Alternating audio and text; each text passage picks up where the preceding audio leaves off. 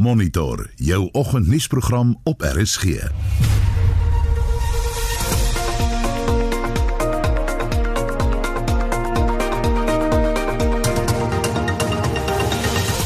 En volgens se monitor woede kook oor op Senekal. Die boere is raad op.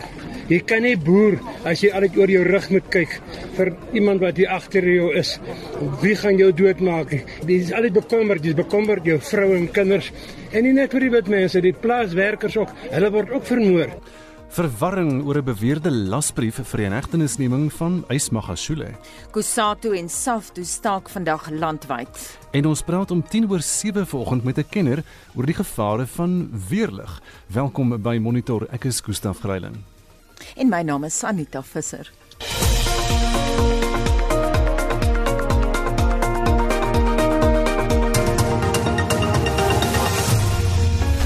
Dis nou so op pad na 12 minute oor 6 uur by Monitor op RSG. En 'n oorsig oor die koerant voorblaaie van Woensdag die 7de Oktober in die Afrikaanse koerante word almal oorheers deur gister se gebeure in Senekal, die burger plaasmoord, boere se woede kook oor. Duisende by hof toe honder moordverdagtes verskyn, sê die opskrif in die burger vanoggend. Skote klap in hofgebou, polisievoertuie word omgegooi. Ook 'n berig in die burger vanoggend dan onduidelikheid oor die lasbrief om eis te laat arresteer en dit oor die berig van Independent Media wat glo vals was dat Eis Magashule in hegtenis geneem gaan word. Beeld se voorblad dan vandag kookpunt boere ruk op na moord en fotos van al die mense wat in Senekal teen plaasmoorde saamgetrek het waar die vermeende moordenaars van Brendan Horner verskyn het. Minister, jy moet jou werk doen. Ons doen ons werk want jy het elke oggend kos op jou tafel word hertjie viljoen aangehel op 'n beeld vanoggend. Ook fotos van die beskadigde hofgebou nadat 'n groep jong mans na die beskuldigdes gaan soek het.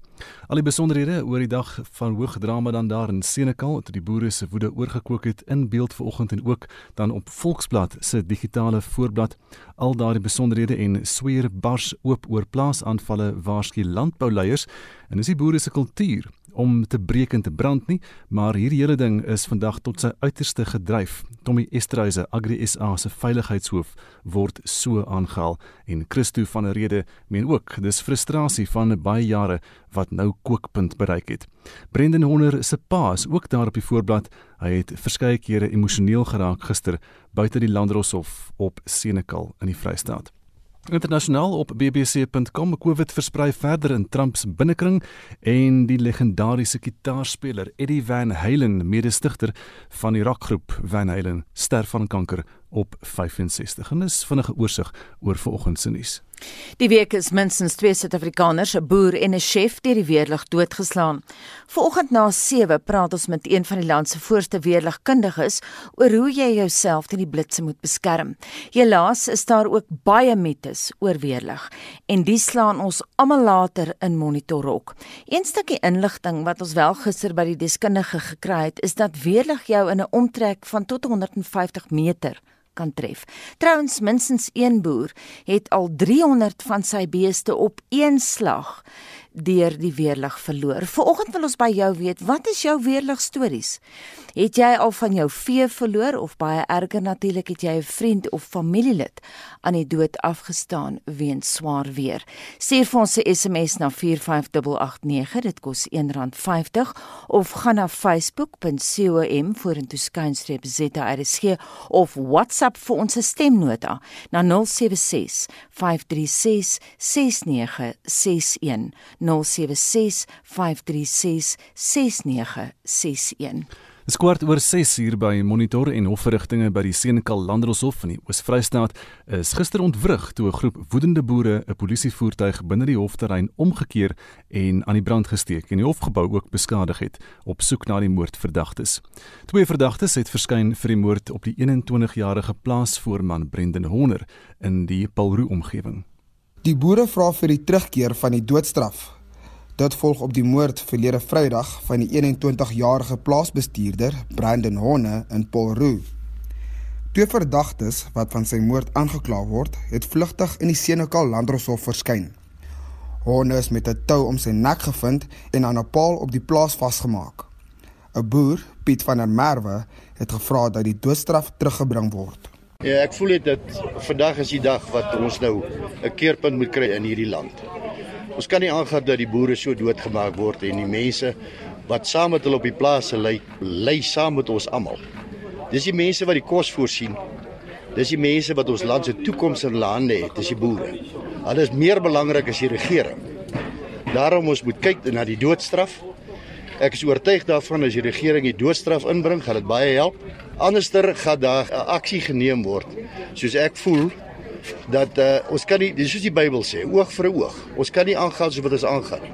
Ons het getolereer tot op hierdie stadium en ek dink vandag is die keerpunt.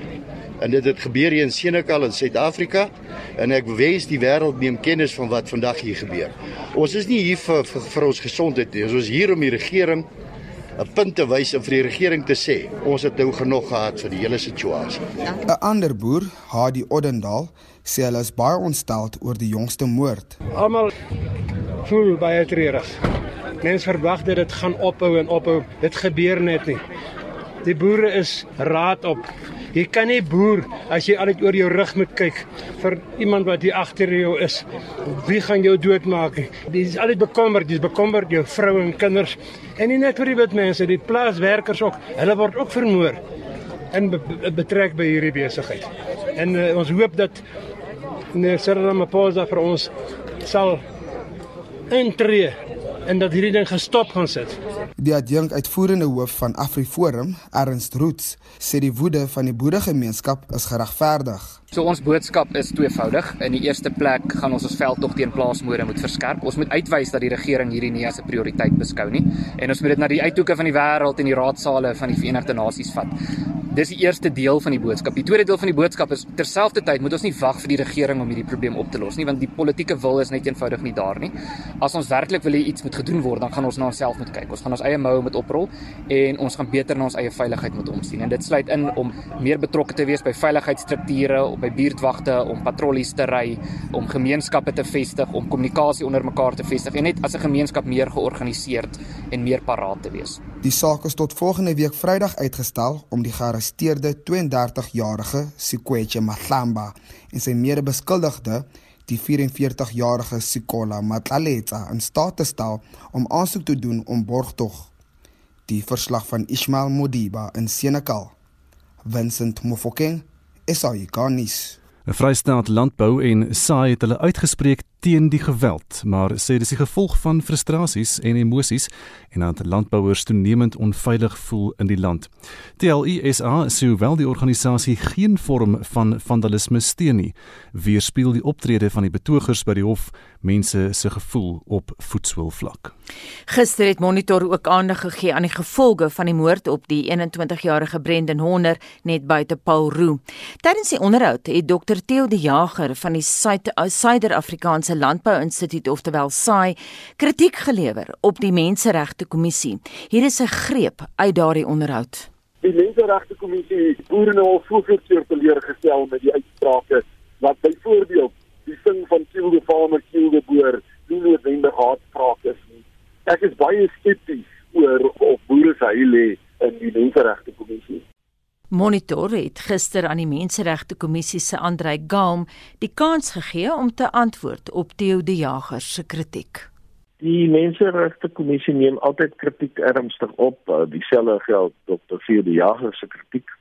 Maar ek dink dit is 'n bietjie onbillik aangesien die kommissie op verskeie maniere by die ernstige kwessie van plaasmoorde en ook uitsprake wat, wat daaroor gemaak word betrokke is en was. Die kommissie het inderdaad al in 2003 bevind dat die slagspreuk kill the farmer kill the boer hartspraak is na aanleiding van 'n klagte wat in daardie stadium by die plus gelê is. En die kommissie beskou plaasmoorde in 'n baie ernstige lig en het in 2014 'n verslag met aanbevelings hier uitgereik wat ook tot 'n memorandum van verstandhouding met die Suid-Afrikaanse Polisie diens gelei het. Die uh, heraktivering nou van die polisie se rule safety strategy vloei ook onder meer voort uit die kommissie spesifiek eerwaarde Chris Nissen namens die kommissie en die Suid-Afrikaanse Polisie Diens se noue samewerking Ons het ook onlangs klagtes van die DA oor haatspraak in verband met plaasmoorde ontvang en werk daaraan om 'n gepaste saak in hierdie verband voor die gelykheidshof te bring.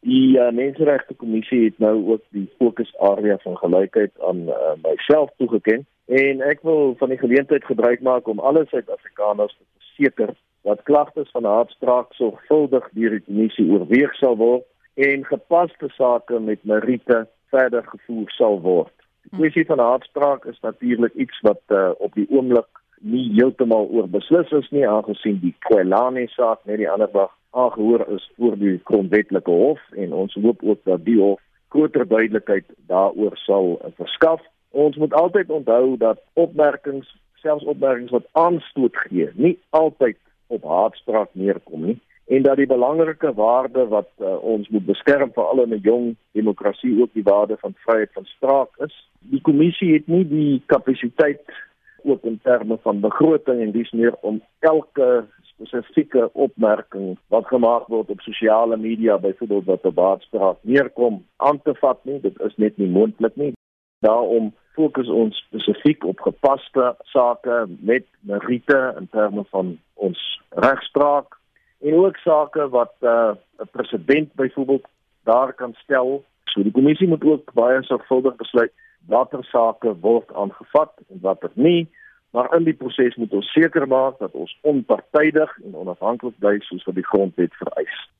Andrei, sou jy in gesprek wil tree met Theo die Jager oor hierdie saak? Ek sal graag met Theo die Jager in gesprek tree daaroor as hy bereid is tot so 'n gesprek dit kan help om die lug te suiwer en seker te maak dat daar nouer samewerking is op die pad vorentoe wat hierdie baie belangrike kwessie betref. En daardie belofte dan van Andrei Gam van die Menseregte Kommissie. Jy luister na Monitor elke weekoggend tussen 6 en 8. Dis nou half 7 en in die nuus Kosatu en Saftolede wil vandag die land tot stilstand bring. Brandstof is van vandag af goedkoper. En verwarring oor 'n beweerde lasbrief vir die inhegtenisname van Ysmagashule bly ingeskakel. Thank you Mr Smith, you may stand up. The applicant Mr Vincent George Smith appears before this court Smith het vanoggend homself by die Alberton polisiestasie in Ekurhuleni aan die Oosrand oorgegee. Hy is 'n groot vis. Hy berei die platform voor vir selfs groter visse. Net hierdie afgelope week is daar reeds 48 van polismanne tot politici gearresteer. Daar is duidelike baie patroonmatigheid van mense wat op pad hoewe toe is. Spectrum, jou middagnuus aktualiteitsprogram, weksmiddag tussen 1 en 2 net op RSG. Daar is geen verkeer. En ons kyk na die verkeer in hierdie stadium so vroeg in Pretoria as daar 'n voertuig wat staan die N1 suidwaarts na die proefplaas wisselaar. Een baan is versper in daardie omgewing. In Johannesburg die N1 suidwaarts net voor die Goue Hoofweg. Die regterbaan is daar versper.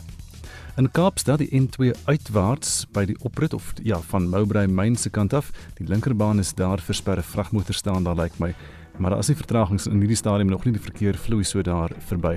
As jy weet van enigiets anders, dan kan jy vir ons 'n SMS aanstuur na 45889 en dit kos R1.50. Is dit 'n interessante terugvoer? Ek het Anita Ashwin mentor wil by ons kenner weet hoeveel keer per sekonde slaan die weerlig. Angelo Ricardo Hoon skryf vir ons: Ek was 'n tiener van 17 toe ek amper deur die weerlig getref was. Die bliksemstraal het iets soos 3 meter weg van my afgeslaan. Die skokgolf van die straal het my deur die lug laat trek. As gevolg van die insident dra ek vandag 'n bril.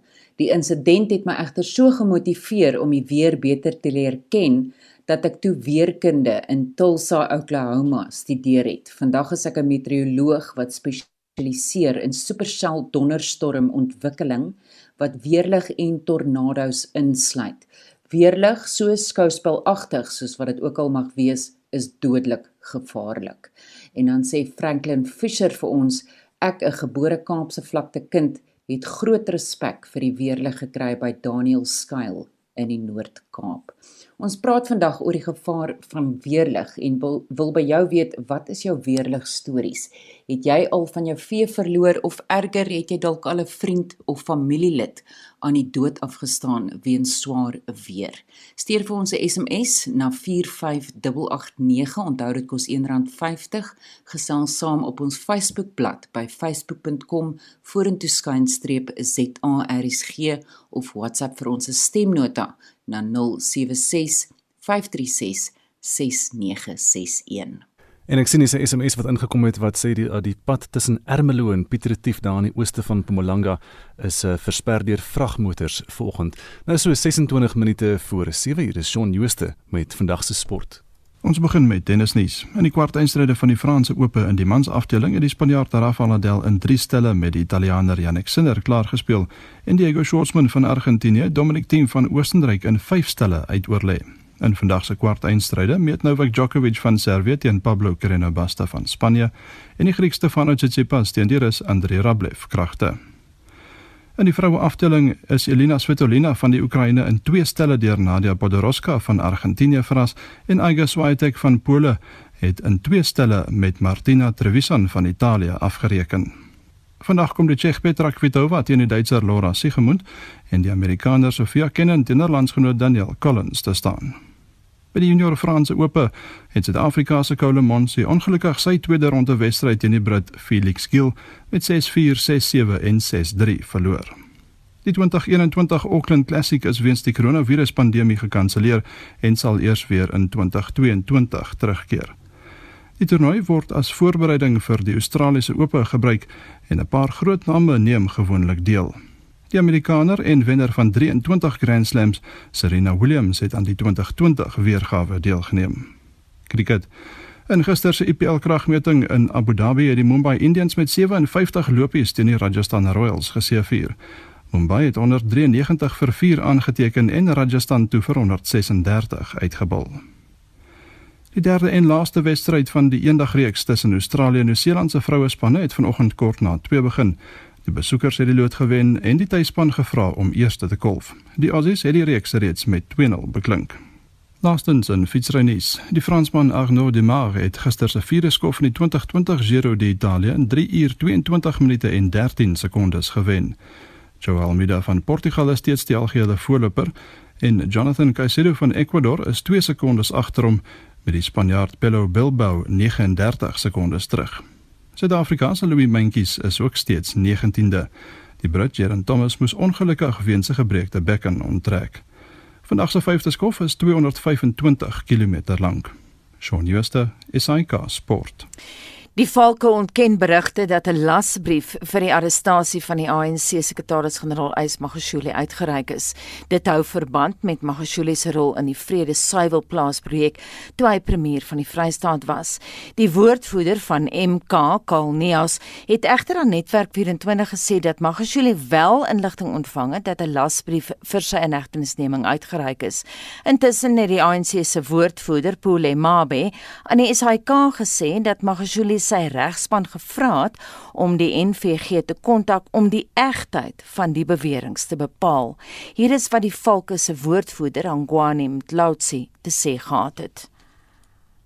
The Hawks would like to categorically distance itself from the news report. We are not aware of any warrant of arrest that has been issued against Mr. Isma Khashule en dit dan die Valke se woordvoerder Angwani Mulaut sê. Nou monitor het gisteroggend vlugtig gefokus op die moontlike gevolge van die week se landwyse stakings deur Kosatu en Saftu. Die vakbonde proteseer teen werksverliese, geslagsgebaseerde geweld en ook teen korrupsie. Vanoggend praat ons verder oor die ekonomiese en politieke impak hiervan met Dr. Chris Harmse, hoof van CH Economics. Môre Chris. Moranita. En die dekaan by die skool vir sosiale innovasie by die Genote College op Wellington, professor Erwin Swela. Môre Erwin. Goeiemôre. Kom ons begin by jou Chris. Hoe ontwrigtend dink jy vandag gaan wees? Anita, dit is normaal weg. Ehm um, met met hierdie tipe van stakings, dit gaan om simpatie by die publiek te kry vir wat hulle ook al ehm um, agter dit skuil Uh, en ek dink dit kan in 'n mate ontwrigting wees. Die enigste situasie hier is dat met die uh met die virus pandemie is daar natuurlik baie mense wat nog steeds nie op kantoor is nie, werk van die huis af. Ehm uh, so ek dink normaal sake sal normaalweg voortgaan behalwe in gebiede waar natuurlik baie werkers is uh, wat miskien nie gaan opdaag vir die vir vir, vir, vir werk nie, miskien op fabrieke uh miskien by uh, mense wat in die kleinhandel werk en natuurlik in die in die in die in die openbare sektor. Ons weet die grootste uh getal uh, um lid lidmaatskap van Kusatu is 58% is uh, werk in die publieke sektor of in die staatsdiens sektor.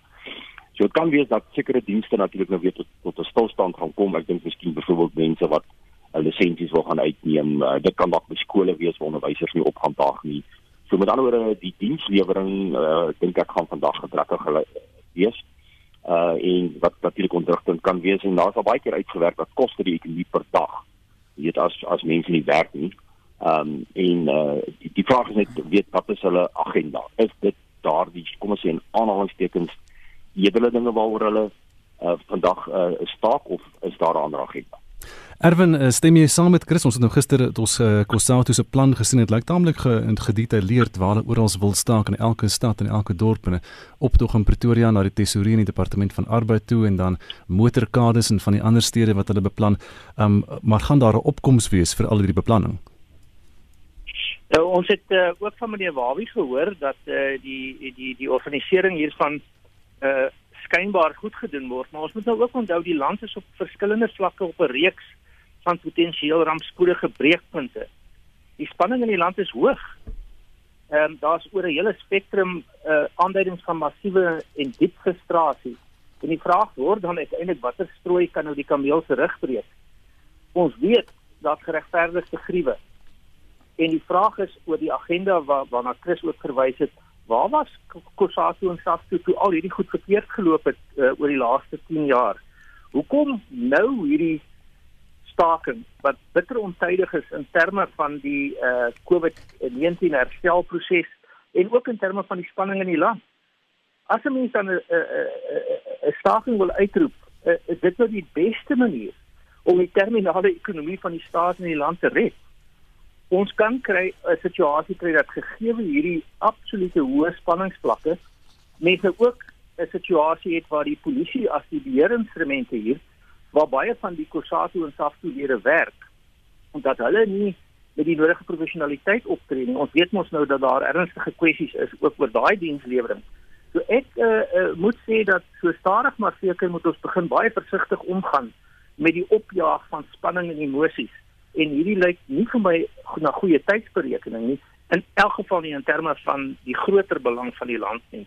So ek uh sal nie sê dat vandag dramaties kan verkeerd loop nie, maar dis 'n bydraende faktor hmm. tot die uiteindelike laaste strooi wat die kameel terug mag breek. Chris, hoeveel beheer het die vakbonde oor hulle lede? Dit is dis 'n dis 'n moeilike vraag. Iets kan baie van afkeer loop. Kyk maar net wat het gister gebeur in Senekal. Uh jy dink jy beheer daaroor en dan kom daar een of ander gerug en uh die mense tree op hoe jy dit nie verwag nie. Uh ek dink nie hulle het baie goeie beheer nie. Hulle sê hulle het, maar ek dink hulle het nie. Ons het dit al gekry um in die verlede dat dinge aantyd kan raak. Um uh, soos ons vorentoe gaan, so dit is soos Erwin sê, weet in hoe mate is soos wat Bobby sê, hulle het dit goed onder beheer. Maar is dit die diepere ding? Is dit is dit werklik wat hulle gee? Is daar nie 'n diepere oorsaak nie? Alles word nou na 'n spits gedryf. Ek het gister genoem dat die slagorders is opgestel ons gaan in die volgende paar 6 maande tot voor die verkiesing moet hierdie ding na na spits te beweeg. Hier is die kleurkampe duidelik opgestel. Ons het nou gehoor van die gerugte wat rondgaan dat eh uh, ehm um, die die die lasbrief teen Ys Magashula uh, daar gaan wees. So jy gaan hierdie gerugte van jy hoor ehm um, van tyd tot tyd. Of dit waar is of nie gaan emosies opwek en ons gaan by by 'n breekpunt kom. Want dit is so uh, die vakbonde het op hierdie stadium by Netlek en op die uh, die die inwerkingstree trede van enige ekonomiese plan in die laaste 10 jaar niks gedoen nie. En nou skielik uh, spring hulle op die op die op die waar dat uh, dit gaan oor die ekonomie, dit gaan oor uh, werksgeleenthede. Uh, ons het gister oor gepraat. Uh, vakbonde het nog nooit gegaan oor die skepping van werk nie. Dis die beskerming van bestaande werk. So of hulle beheer daaroor gaan hê, miskien op vandag, maar ek het 'n vermoede hier kom die konflikte situasies en brandpunte in die volgende paar maande waaroor hulle nie weer gaan nie. Nou Erwin, die situasie of die geval in Marikana in 2012 was dit gewees, né? Ehm um, hoe belangrik was daardie insident gewees uh, by die myn om die mag te verskuif, om verdere mag na vakbonde toe te verskuif of om selfs morele hoëgrond na hulle toe te verskuif? Ek dink Gustav Marikana was 'n historiese moment ehm um, en ook 'n baie uh, besondere soort van 'n patosvolle moment. Uh, dit het uh, gebleik dat baie van die vergrype van die verlede ten opsigte van byvoorbeeld die inkorting van arbeidsregte maar ook uh, op daardie stadium en in die toekoms voortgesit sou word. Hmm.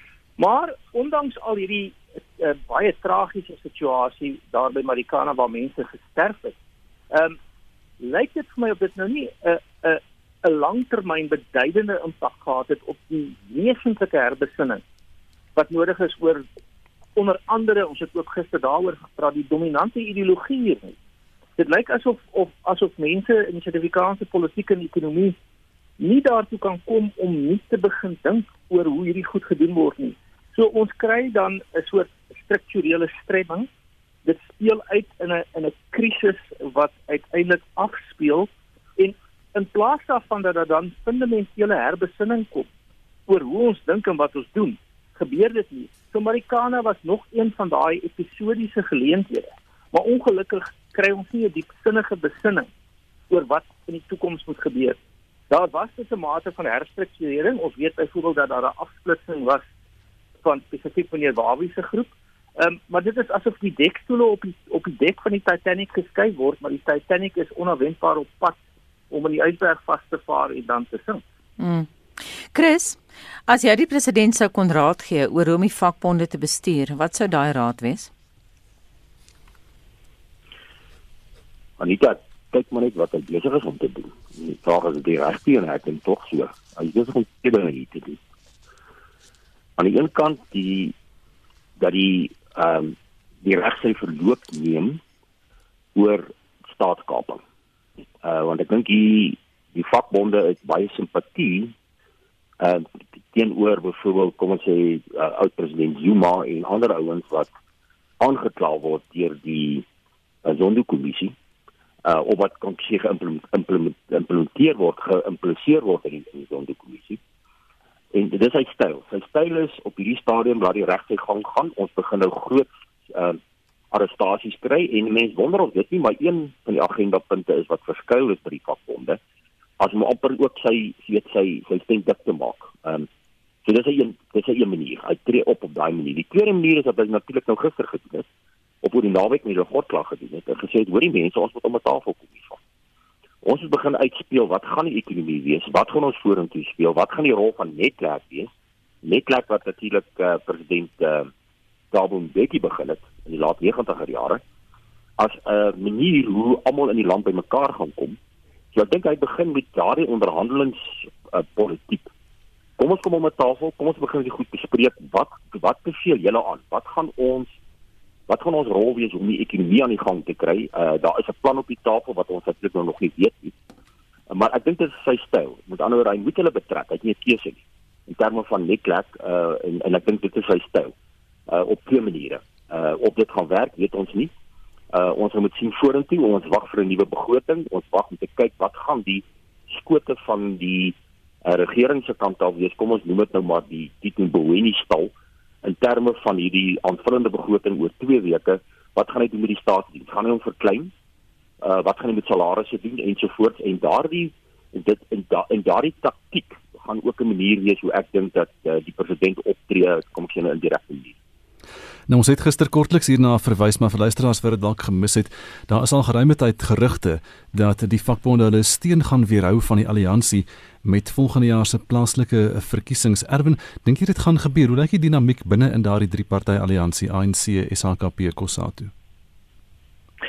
Ehm um, ek herinner my aan die tyd toe ons oor die onderhandelinge by die onderhandelinge betrokke was vir die vir die die nuwe bedeling uh, die nuwe grondwetlike bedeling en toe was daar soms die uh, humoristiese uitspraak dat uh, die ANC die nasionale party soos twee dronk mense wat mekaar moet vashou om regop te bly en in 'n sekere sin word mense hier ook daarmee gekonfronteer.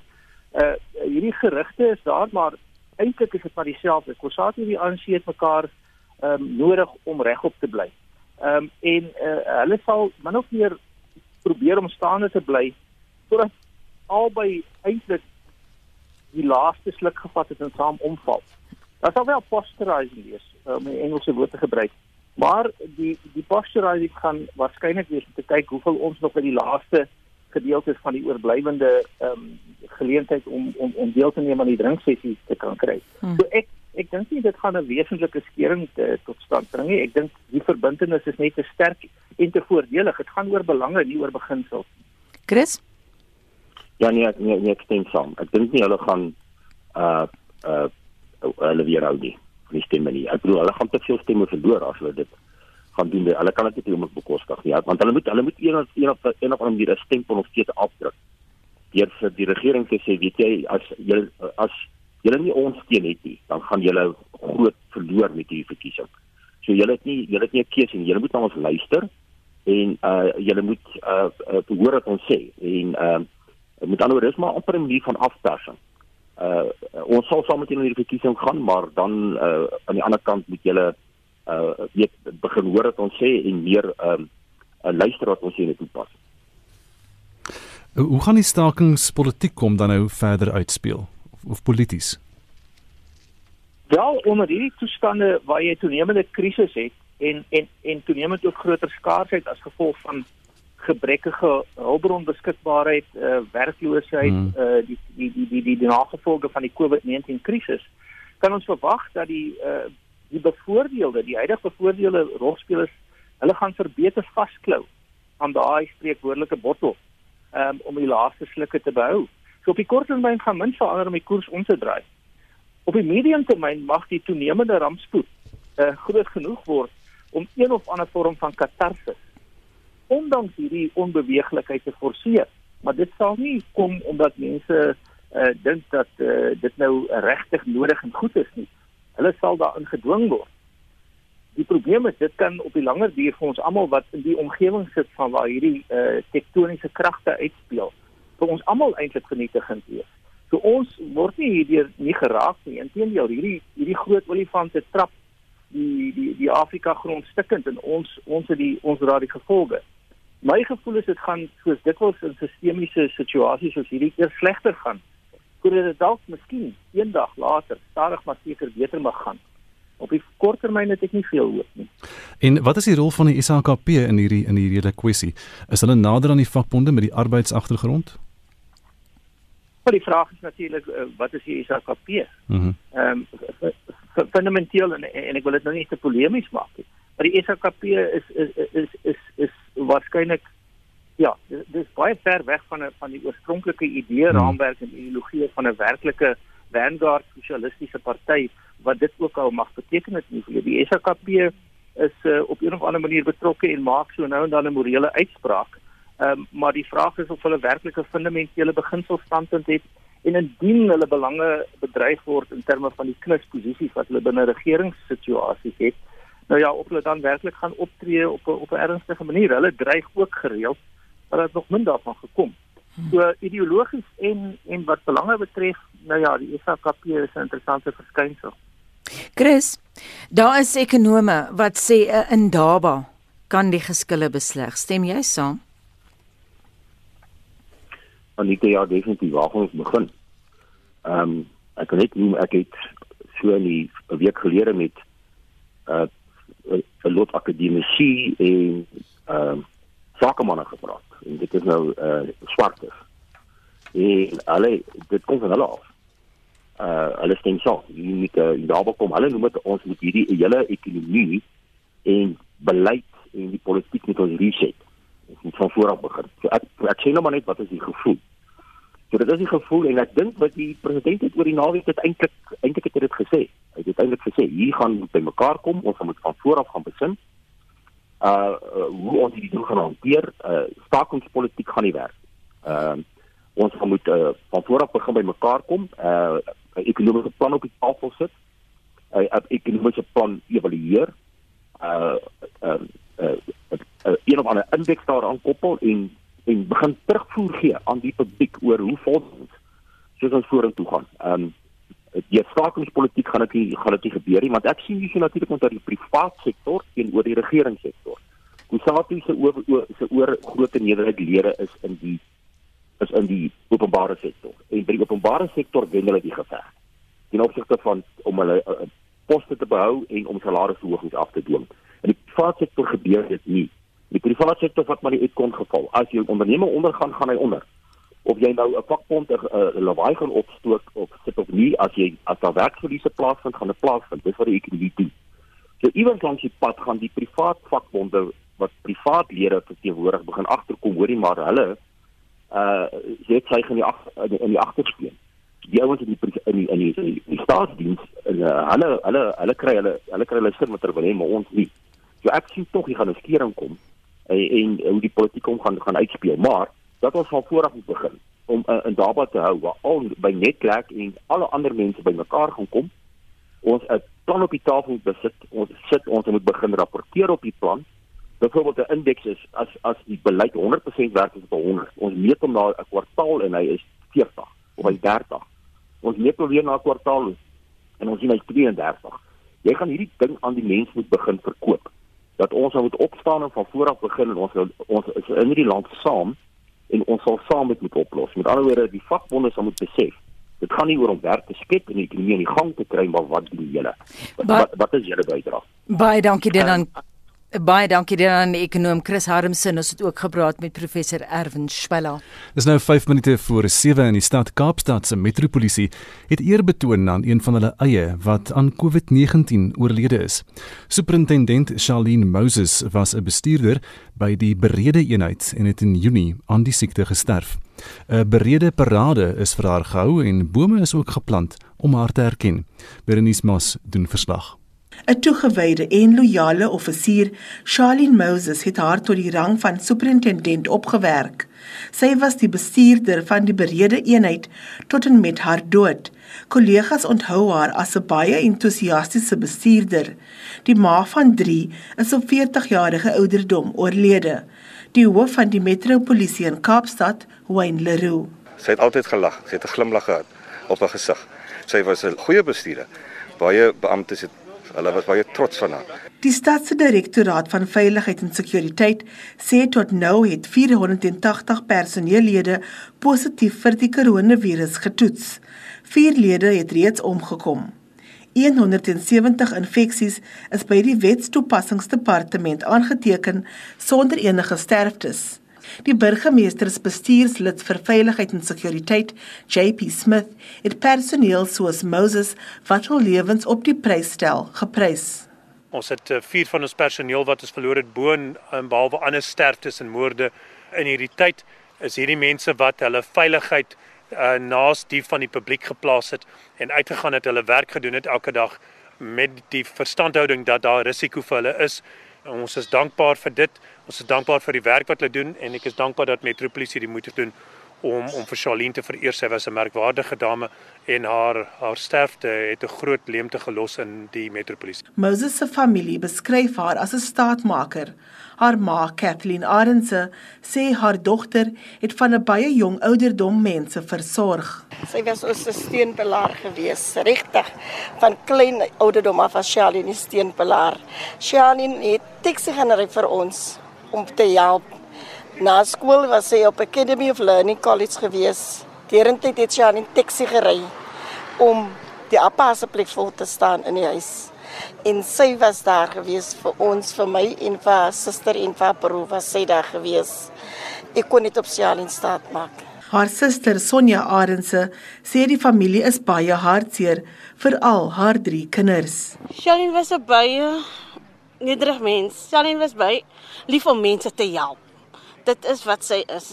En haar werk is altyd daar alles gewees. Regtig, sy het alles ingesit in haar werk. Ter nagedagtenis aan Moses is haar gunsteling boom geplant en 'n bankie in 'n park met haar naam op ingewy. Ek is Berenice Moss in Kaapstad. Daar is geen verkeer. En in Kaapstad is daar 'n verslag van 'n botsing op die N2 inwaarts by Boongalaan en die linkerbaan daar is versper. Die R300 Noord na Stellenbosch arterieel by die M12, die regterbaan is eh, toegesluit, lang vertragings. Gebruik maar eerder 'n alternatiewe roete daar waar jy gaan lank staan as jy daar is. In Kaapstad uh, kettingbotsing dan in twee inwaarts na Jakes Gerwel Rylaan, die linkerbaan is versper. In Atteridgeville in Pretoria is daar 'n verkeersligte wat buite werking is, speer van Reineveld in die R55 en in die middestad Eskom Patlele in WF Nkomo die ou Kerkstraat. 45889 as jy van enigiets anders weet teen R1.50. Intussen gaan ons terug na ons weerlig stories toe Estie. So baie stories vanoggend. En Kilian sê 'n Witbank ou Transvaal 1979, ek staan en stryk voor die venster, dis bewolk maar reën nog nie. Die volgende oomblik slaan die weerlig die strykyster uit my hand. Die yster het ek later in die gang gekry. Elsie Kog sê my oupa Martin Thomas Fox Foxcroft is in 1939 deur die weerlig doodgeslaan.